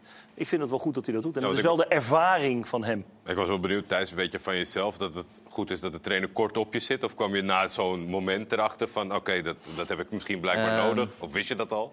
Ja, ja, als ik het wist, dan, dan had ik het waarschijnlijk niet zoveel laten komen. Maar ja, ik denk dat ik er wel een beetje achter ben dat het soms wel even nodig is. Eh, helemaal als je eigenlijk alles altijd speelt en denkt van nou, ik ga het spelen, is het soms wel goed dat, die, ehm, dat iemand zo kort op zit. En Ja. ja, op een of andere manier had ik dat dan op dit moment wel een beetje nodig. Maar ehm, ja, ik denk dat voor iedereen eh, weet hij precies te vinden wat hij nodig heeft. En ja, dat werkt. Maar jij mag toch ook nooit tevreden zijn met, met Willem II? Jij moet toch verder kunnen met jouw talent? En dan weet ik wel, je hebt een terugslag gehad met je blessure. Maar jij moet toch veel verder kunnen? Het moet ook je ambitie zijn, lijkt me. Ja, ja, ja, ik heb een hele grote ambitie. Maar ja, op dit moment speel ik gewoon met Willem II. Nee, ja, dat begrijp ik, dan maar- weet te triggeren, ja, dan, dan ja, helpt mij ook alleen maar mee. Nee, maar daarom, dat bedoel ik ook. Jij mag toch niet tevreden zijn met dat je bij Willem II speelt? Eh, ja, ik moet eerlijk zeggen, op dit moment ben ik hartstikke tevreden. Maar ja, ik wil natuurlijk wel eh, het liefst zo hoog mogelijk spelen. Dat, dat spreekt voor zich, denk ik. Lijkt mij ook, met jouw talent. Heeft, er heeft natuurlijk een kleine positiewisseling qua invulling plaatsgevonden ook onder hem. Eh, Heeft dat nog eh, geholpen, zeg maar, in het proces van... eh, Voelt dat lekkerder? Of Ehm. is dat gewoon, ik kan overal waar hij moet Nou, je, hebt, spelen? je, bent, eh, je bent toch een spits, maar je hebt ook wel eens linksback gestaan bij, eh, bij- Willem II. Ja, nou, bij Willem II niet. Bij AZ. Eh, dat was een beetje de reden dat ik naar Willem II ging. Maar bij AZ heb ik wel linksback gespeeld. Ehm, Dat was niet helemaal de bedoeling, maak je dat op? Ehm, nee, nee, nee het was wel, dat was wel goed, in goed overleg. Hoor. Dat was toen ik bij AZ eh, weer terugkwam van mijn verhuurperiode. Toen eh, was ik eigenlijk bij RKC altijd ja, voorhoede speler. En toen eh, in de voorbereiding stond ik in één keer linksback. Wiens idee was dat? Van, van Pascal, Pascal Jansen. Pascal Jansen. Die, eh, dus die eh, riep mij binnen en zei van ja, we willen het proberen op linksback. Ja, dus toen heb ik heel simpel gezegd van ja, trainer, als u denkt dat ik daar het verste kan komen, want ja, dat is, zegt, dat is mijn ambitie, zo ver mag komen, ja, dan ga ik linksback spelen. Toen ook met wingbacks, toch? Met drie centrale verdedigers even Ja, toen wisselden we nog af en toe. Speelde, speelde met Jong eh, vijf en gingen wij ook af en toe met vijf spelen. En, maar ook wel in de vier, eh viermans gespeeld. En toen heb ik eigenlijk gezegd van ja, heel simpel. Als u denkt dat ik daar het vers kan komen, ga ik daar spelen. Ehm, ja, dus toen heb ik daar hele voorbereiding gespeeld en dat ging goed. En uiteindelijk ook nog mijn debuut gemaakt dan eh, bij AZ op linksback. Ehm, eh, ja, en op een gegeven moment eh, leek het erop dat ik niet meer zoveel ging spelen. En, en dat op een gegeven moment de, de wissel rechtsback met, rechts, met zijn rechterbeen op linksback ging spelen. Oh ja, dan Dus weet toen- je meestal wel van... Precies, dus toen heb ik gezegd van... Geen goed teken. Nee, dus toen heb ik gezegd van... nou, ja, trainer, als ik ehm, hier niet meer ga spelen en, en, en alleen maar op de training linksback mag staan... ja, dan eh, wil ik graag voor mijn eigen kans gaan, mijn eigen positie. En toen ook echt een club gekozen waar je niet linksback kwam te staan. Eh, ja, ja, omdat ik ken eh, Fred toen al. Die heb ik heel goed contact mee gehad eigenlijk toen. En ja, toen had ik eigenlijk keuze gemaakt van... Nou, als ik als linksback er niet aan, aan te pas kom, dan wil ik graag weg. En dan op mijn eigen positie. Maar ja, als, als Pascal mij, ja, of de staf in ieder geval mij misschien vaak op linksback had laten spelen... dan was ik misschien nog steeds wel linksback. En wat zegt jouw vader dan als je thuis komt en je zegt... ja, eh, Pascal Jansen wil dat ik linksback ga spelen?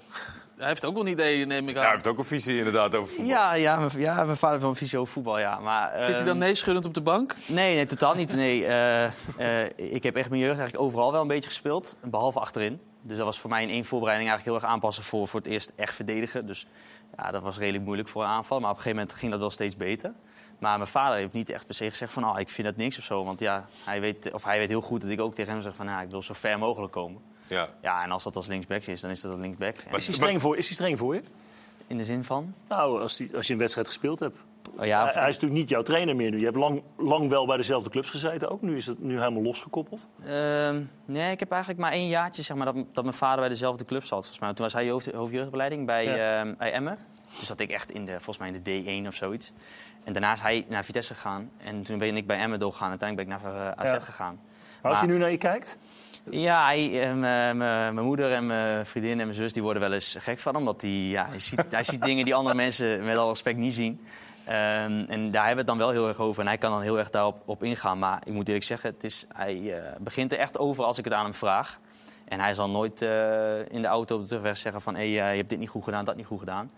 Wel als ik iets heel goed heb gedaan, dan eh, kan ik, wil ik het heel graag benoemen. Mooi. Ja. Maar ehm, als ik iets niet goed heb gedaan, is het wel ja, dat ik hem wel vaak vraag. En dat ik vraag van, hey, eh, hoe vond je dat, hoe vond je dat? En dan, ja, dan eh, kan je ook wel aanhoren wat hij echt Ik denk vindt. dat hij maar één keer echt heel streng voor je is geweest na een wedstrijd.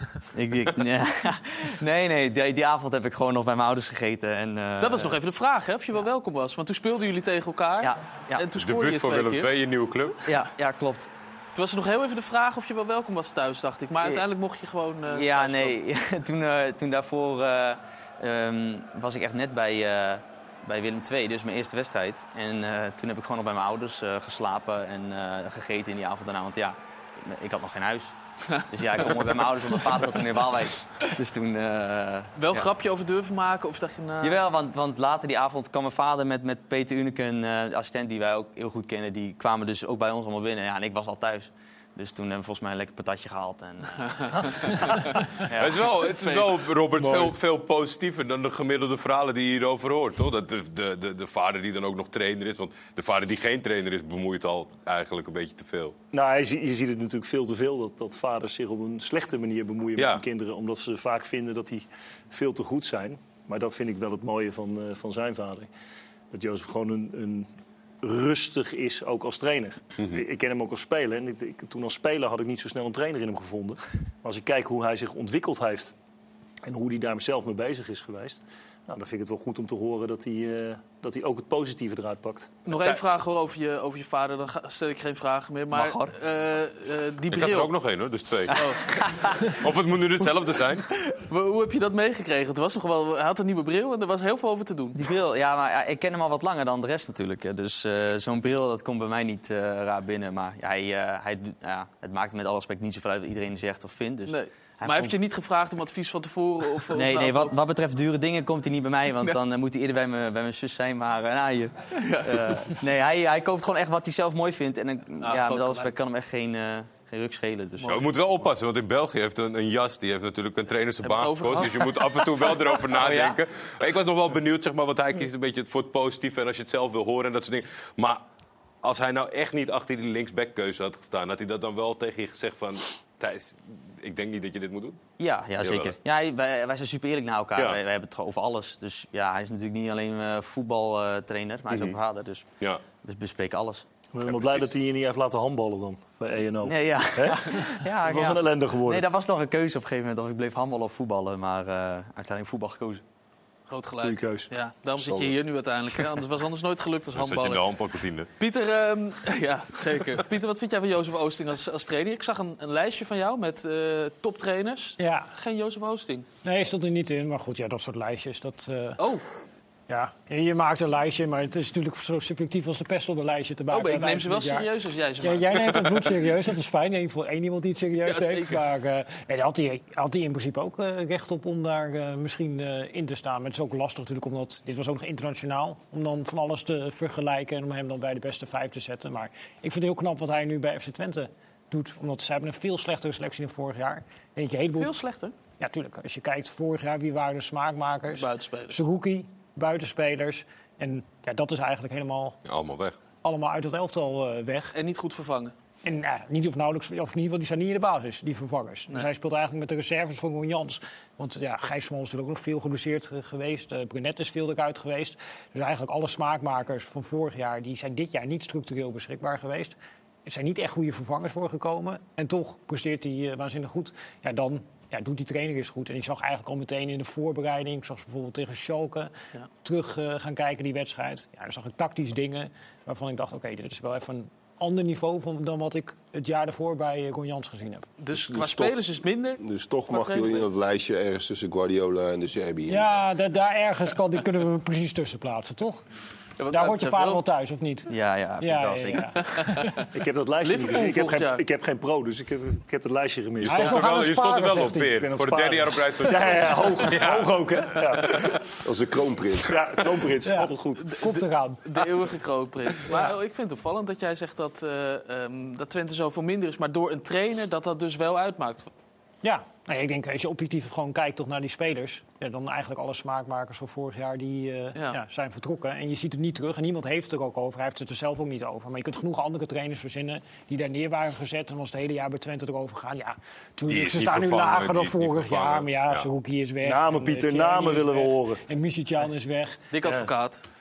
De hub Dat up, heb ik eh, niet de Nee, maar zijn natuurlijk, ja, het kan een excuus zijn. En hij heeft het nooit als excuus aangevoerd. En gaat met nieuwe rollen aan de slag. En ja, dat vind ik eh, ja, knap, leuk om te zien. Zo is het. Eh, Straks dan zijn we terug en dan gaan we voorspellen. Misschien wel het allermoeilijkste onderdeel in het voetbal is voorspellen wat er gaat gebeuren. Straks gaat het echt gebeuren. Dan gaan eh, eh, Pieter en Thijs dat, eh, dat uiteraard eh, doen.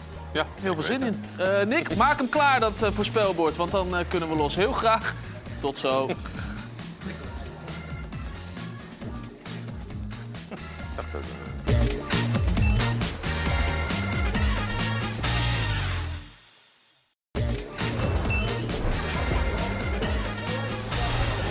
terug in de voetbalkantine, waar het eh, chaos is, zoals Compleet elke vrijdag. Het wordt, het wordt later en het wordt chaotischer en chaotischer. We, we hebben het niet meer in de hand, Jordi. Zo eerlijk moeten we zijn. Dat is waar. Ja. Tijdens de reclames is het één grote chaos. Goed, we gaan eh, straks eh, voorspellen, uiteraard. Belangrijk, maar we willen eerst even een beetje context bieden. Een beetje hulp voor, voor Pieter en Thijs voor straks. Dus eh, eerst maar even over het grote debuut dat er misschien aan zit te komen. Misschien ook niet. De verlosser van, eh, van Ajax, Jordan Henderson.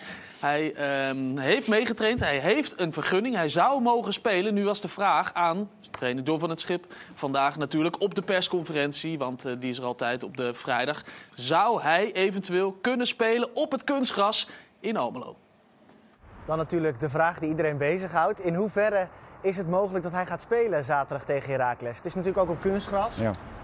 Nou ja, hij, is- hij is speelgerechtig, dus eh, het, is, eh, het is even afwachten. We zullen, wat ik al zei, ik heb twee keer getraind. We hebben zo direct nog een training en dan zullen we de knoop doorhakken. Hij is ook nu een maand zonder wedstrijdritme.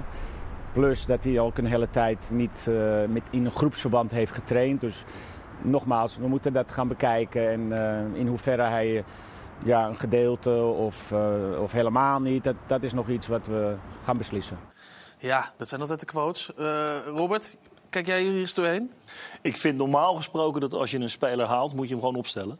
Eh, Want je haalt hem voor die extra kwaliteit en wat jouw elftal nodig hebt. Ja, dit ritme, dat komt dan wel. En dan zie je maar hoe ver het gaat. Maar als ik nu van John van Schip dit hoor zeggen... dan verwacht ik niet dat hij gaat spelen. Als je al begint over, ja, hij heeft een maand niet gespeeld. Hij heeft pas twee trainingen gedaan. Nou, dan hoor je al aan alles dat het eh, waarschijnlijk niet gaat gebeuren. Nee, nou, zo klonk het inderdaad. Ja. Dat is teleurstellend. Toch, hè? voorzichtig Dan- doen inderdaad met het kunstgras van Heracles? Of vind je dat geen factor Ja. en is het meer de facetten die... Heeft hij, heeft hij daar op kunst? Dat weet ik eigenlijk helemaal niet. Nee, in Engeland speel niet. je niet op Nee, in. Engeland zeker niet. Maar Saudi-Arabië. Saudi-Arabië. Saudi-Arabië. Saudi-Arabië. Ben jij geweest, toch? Ja, in Engeland is wel kunstgras, maar dat is Ja, onder, onder de vierde ja. divisie. Ehm, nee, Saudi-Arabië toch ook niet? Ik dacht dat kan het me niet, hoor. voorstellen. Nee. Nee, Maar om nou een speler niet op te stellen omdat hij op, niet op kunstgras kan spelen, als hij dat nou zelf aangeeft, vooruit. Maar anders laat je hem toch gewoon spelen. Het is ook niet meer het kunstgras. Ik ben geen kunstgrasfan, zoals je Nee, nee, weet. nee, weten we. Weten. Maar- Daarom belangrijk wat jij ervan Maar nee, maar het is niet, het is niet meer natuurlijk zoals eh 10, 15 jaar geleden. Ik kan me van Jaap Stam nog herinneren toen hij terugkwam bij Ajax. Die Ja. speelde uitwedstrijden op kunstgras, speelde hij niet mee. Omdat hij dat gewoon zelf eh, te riskant vond met zijn, ja. eh, met zijn lichaam. Maar dat, dat is niet meer. Ja. Ik eh, noemde hem net al even gekscherend de verlosser, want er werd zo enthousiast over gesproken. We hebben het er vorige week natuurlijk ook eh, over gehad, dat hij wel heel veel aandacht krijgt. De grote vraag is natuurlijk wat hij echt moet gaan brengen aan Ajax. Pieter, zei jij dat we hebben een, we hebben een schitterend tactiekbord. Ja, Zou jij kunnen ehm, uitleggen, zo simpel mogelijk, wat hij, eh, ja gaat, wat hij gaat toevoegen. wat hij gaat lekker, toevoegen lekker. aan Nou, hoe dat eruit Ja. gaat zien. We hebben een trainer, maar ik sta bij het tactiekbord. Ja. En, eh, ik denk dat we even twee dingetjes kunnen uitleggen. Eén, wat zijn rol was bij Liverpool. En twee, wat zijn rol wordt eh, bij Ajax. Nou ja, Liverpool speelde vaak punt naar achter op het middenveld met eh Fabinho. En dat was Henderson. Was vaak deze speler. Hij heeft hier ook wel eens gespeeld, maar het meest eigenlijk hier. En daar ging het net over. Dan had het altijd over de draaiende driehoek. En dan was die driehoek aan de rechterkant. En daarom was Henderson daar zo goed. Want hier speelde Trent Alexander-Arnold. Hier speelde Salah. En dan had je hier Henderson. Eh, en die mochten op een gegeven moment gaan bewegen. En dan was natuurlijk vaak Alexander Arnold die naar voren ging, Salah die naar binnen ging eh, met de bal. En dan zorgde eigenlijk hier Henderson ja, voor wat dan trainers eh, de restverdediging eh, noemen. En in sommige gevallen speelde bijvoorbeeld ook Arnold hier aan de binnenkant. En dan kon hij juist voor de overlap zorgen bij Salah. Of Arnold aan de binnenkant en dan Salah aan de buitenkant. en dan hij hier. Dus hij had ook wel een rol waar hij ja, en de balans moest bewaken en veel energie erin kon gooien. Dat is En- eigenlijk wat hij nu ook moet gaan doen, of niet? Eh, die energie dus weer niet. Eh, dus hier moet je eigenlijk alleen de balans gaan bewaken bij Ajax. Dus als we nu naar Ajax gaan, dit is Twente Alexander-Arnold, dat is bij Ajax Rens. Die speelt eigenlijk gewoon als derde centrale verdediger bij Ajax, aanvallend gezien. Dus dan heb je ja, drie centrale verdedigers. Ajax speelt met twee controleurs. Ik denk dat Henderson dit moet worden op de plek van Tahirovic. En dan staat hier Kenneth Taylor naast. Dan heb je hier Linson, die speelt vaak hier rechts aanvallend. Hier Bergwijn, die speelt links aanvallend. Komt er een vierkantje op het middenveld. Linksback speelt hoog, rechtsbuiten hier. En dan moet je eigenlijk hier gewoon ja, Henderson balans gaan bewaken. En als Taylor, die is nogal vaak ook op avontuur, die kant op. Soms ook nog de rechtsback eh, op avontuur. En dan was het probleem bij Ajax in het eerste seizoen zelf vaak... dat dan op een gegeven moment ook de controleur nog dacht, ik ga mee. En het idee bij Henderson is dat hij daar wel blijft... en ook misschien af en toe tegen een verdediger zegt... nou, misschien moet jij even niet ook mee naar voren. Want dan eh worden we kwetsbaar op de kant. Maar dat is dus wel iets wat hij bij Liverpool ook deed. Die balans bewaken, kijken wie gaat er, moet ik terugblijven. Dus wat dat betreft blijft dat gelijk. Dat blijft gelijk, inderdaad. Alleen iets minder rennen. Iets minder rennen. En dat is misschien op deze leeftijd juist wel fijn voor hem. Ja. Ja, ja nee, ik, eh, helder. Toch, Ja, Kraak, helder. Jij zei van, wil je het zo eenvoudig mogelijk eh, vertellen? Dat is ik denk gelukt. dat het eh, heel duidelijk Op een is. gegeven moment, ja, ga lekker zitten. Ja, op een gegeven moment begon je over draaiende driehoeken. Toen, toen, Toen- dacht toen ik, hield oh, jij, eh, riemen vast. Toen begon het bij Riemen- jou te riemen draaien. vast. Ja. Het Ja. kwam uiteindelijk... eh, Het kwam Draaiende driehoeken, jongens. Sef Vergozen deed het al bij, het, bij de Roda Rups, dat elftal. Hadden ze al een rechterkant die continu doordraaide. Speelde de rechtsback, speelde rechtsbuiten. Die ging weer naar binnen toe. Dat draaide allemaal door. Het is allemaal een keer eerder En dat heeft verzonnen. Jurgen Klopp Ja. toen gezien en die dacht... eh, Nou ja, het is natuurlijk allemaal wel een keer eerder verzonnen. Maar wel leuk om, eh, om het goed uitgelegd te zien. Is, is dat zo, Robert, dat als jij zit te kijken en er is weer een, een nieuwe stroming binnen het voetbal, innovatie... inverted backs. Dat soort dingen, dan denk jij altijd aan... Seffergoos. Seffergoos. of of Ik een andere altijd- trainer ik denk altijd aan Sef Vergozen. Nee, maar heb jij, heb jij soms nog bij het idee van voetbal dat, dat het echt iets vernieuwend is? Of heb je altijd een referentiekader van het is hetzelfde, maar net iets anders ingevuld? Nou, ik- denk dat degene die daar altijd leidend in is, is Guardiola. Mhm. Die natuurlijk vanuit een Cruyff-filosofie is gaan nadenken over voetbal. En continu met oplossingen komt ten opzichte wat doet een tegenstander. Eh, niet alleen de Premier League, maar vooral ook Europees. En dat heel veel ploegen dat volgen qua idee, omdat ze dat gezien hebben. Daar heb ik mijn twijfels bij. Als ik naar onze eredivisie kijk en ik zie inderdaad hoeveel ploegen er al met, met backs naar de binnenkant toe spelen. Terwijl die backs daar totaal niets te zoeken hebben qua niveau. En qua handelingssnelheid en, en qua overzicht. Dan heb ik daar mijn twijfels wel bij. Maar nee, je, je, je ziet wel heel veel dingen zie je terugkomen. Met, met, met vijf man verdedigen of met drie man verdedigen, Ja. hoe je het noemen wil. Ja, dat is natuurlijk allemaal in de, in, in de geschiedenis van het voetbal wel een keer gedaan. Ja. Pieter, je hebt een boek geschreven over eh, de tactiek van... eh, nou ja, een soort geschiedenisboek over eh, de, de Nederlandse tactiek. Daar heb je ook best wel veel kritieken op gehad. Inmiddels blijken er toch wel wat dingen die erin stonden ook eh, uit te komen. Jij raadde ehm, Arne Slot al aan als een, een, een talentvolle trainer. Nou, Ja, dat was toen nog assistent bij eh, AZ. Ja. ja. bij AZ. Eh, Bos stond er eh, uiteraard, uiteraard in. Nou, eh, die hebben elkaar gezien deze week, dus er klopt best wel wat van. Wat is er nou, als je kijkt naar tactiek in Nederland de afgelopen jaren heel erg veranderd? Nou, laten we zeggen de afgelopen tien jaar. Nou ja, Robert zei het al, backs aan de binnenkant. Maar eigenlijk was een beetje de centrale thesis van het boek dat Nederland is natuurlijk altijd staat bekend als het land van we hebben het voetbal uitgevonden. En ik denk dat 10, 15 jaar geleden, een beetje de, in ieder geval de periode van dit boek, eh, dat Nederland juist hopeloos achterliep op de ontwikkeling in de moderne voetbal. Qua nou ja, veldbezetting tijdens het aanvallen, qua druk zetten, qua organisatie en omschakeling. Eh, al dat soort aspecten werden veel meer doorontwikkeld in het buitenland dan in Nederland. En nou, ik ben blij dat er nu een lichting trainers in Nederland doorkomt die dat soort elementen ook juist eh, in hun spel hebben. Ja, want er waren een aantal dingen die opvielen, hè? die niet goed gingen. Omschakelen. Omschakelen inderdaad, was überhaupt was daar heel weinig aandacht Deden voor. wij niet. Nee, ja, bijvoorbeeld een training in Nederland, dat is toen ook gemeten, was vaak dat ja, je gaat opbouwen van achteruit en dan was een balverlies.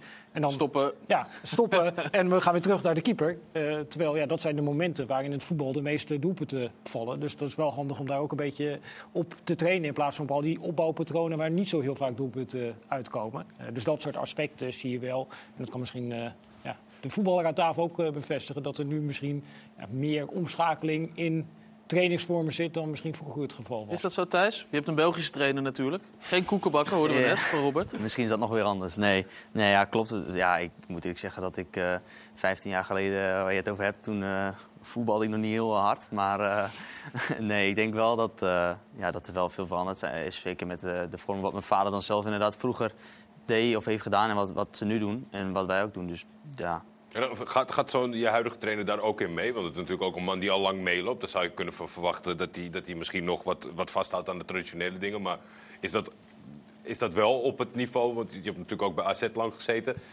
Zo qua innovatie en, en, en meten en weten en al dat soort dingen? Of Je is hebt dat dan Willem minder? eh, niet zo vaak zien spelen dit seizoen, of Hm? wel? Hebt Willem II niet zo vaak zien spelen Nee. dit seizoen.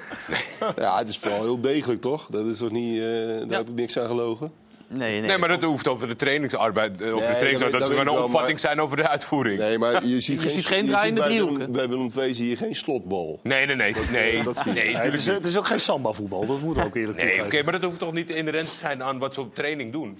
Als, nee, als nee, zeker niet. Nee, maar als je nou naar Peter Maas kijkt, die, die is geschoold als eh, in de Belgische competitie, waar omschakelen wel een heel groot goed is. Ja. Eh, zeker tien jaar geleden was het countervoetbal, dat was het enige wat ze deden. Ja. Nou ja, en toen zijn wij in data gedoken, en wij bedoel ik dan het Nederlandse Ja, je trainerschilde. Oh, ja.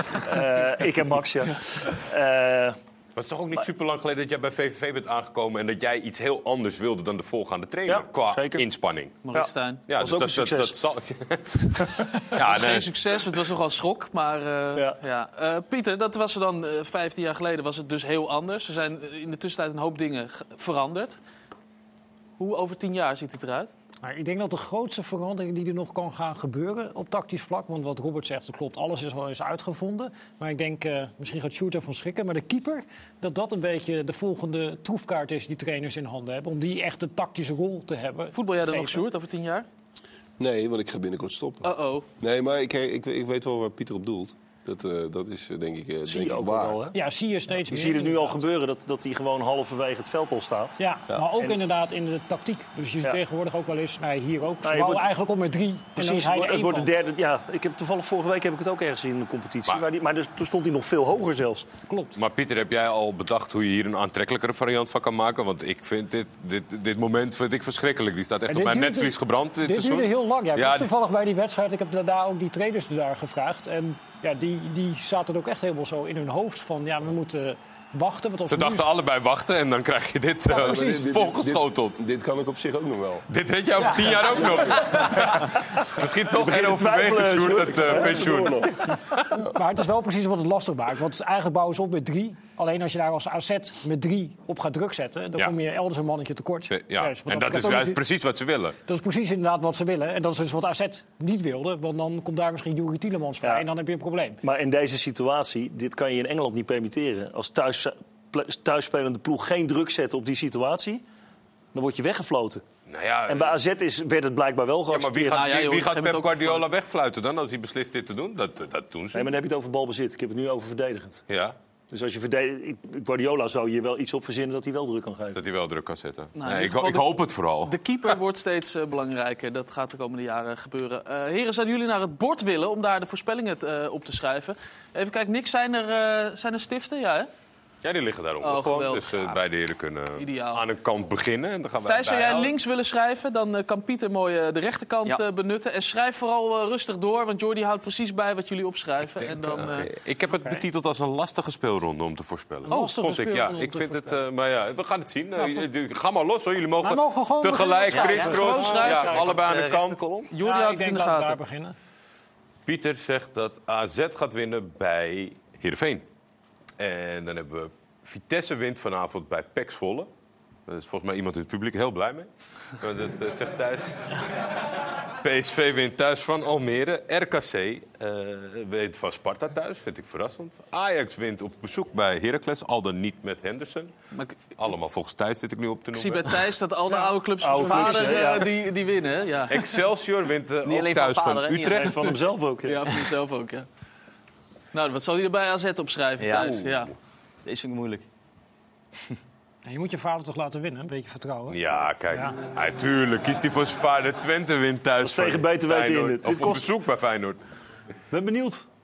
Beide gaan voor Go Ahead Eagles. Dat vind ik wel interessant, want dat is natuurlijk een, een clash tussen twee ploegen in, in hele goede vorm. Go Ahead Eagles tegen NEC. Hey, jongens, je kan ook gelijk spelen, hè? Kan ook, hè? Ja, ik denk we gewoon overal een winnaar. Het is een kruisje. Ja.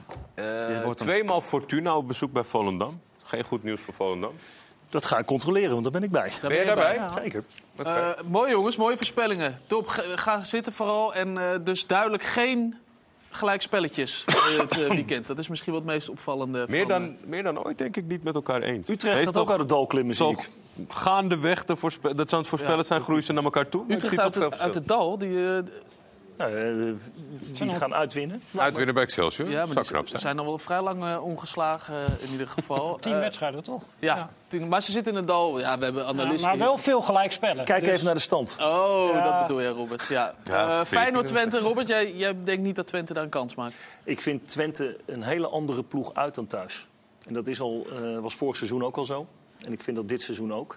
Op een, een of andere manier mist daar toch een bepaalde brutaliteit. Om ook in uit te... Als Twente doet wat ze thuis hebben gedaan tegen Feyenoord... als ze dat durven, dan hebben ze een kans. Zonder Oekalde, Van Wolfswinkel ziek. Stijn een beetje ziek. Het gaat, eh, het gaat een lastige wedstrijd worden. Maar ze moeten dus gewoon net als thuis volle bak erop. En dan hebben ze in ieder geval een kans. Thijs, dankjewel. Fijn dat je er was. Succes met die knie. Snel weer eh, gewoon lekker eh, gaan Maandag wandelen. spelen. Maandag gaat hij spelen. Peter Maas kijkt ook altijd, dus die Tuurlijk. weet het wel. Robert, dankjewel. Sjoerd, bedankt. En Pieter, heel veel succes met eh Voetbal International. En pro natuurlijk, hè? Ja, Robert abonneren. Neem nou, sparen. Ja. neem nou een keer een uh, abonnementje. Dit was het voor nu, dit was de voetbalkantine. Maar er is nog een hele lange vrijdag die eraan zit te komen met heel veel ESPN. Als je slim bent dan. Eh, hierna natuurlijk ESPN Vandaag. Daarna dan weer voetbal op vrijdag. Weer ESPN Vandaag. En je weet, al dat voetbal van zo'n avond, ik noem maar wat, ADO, Emmen, PEC Vitesse, dat maakt de tongen los. Dus er is ook weer eh, voetbalpraat. Die begint dan om 11 uur op ESPN 2, maar om half 12 op ESPN 1. Dus je weet, je zit de hele avond, maar eigenlijk het hele weekend goed op ESPN. Tot volgende week.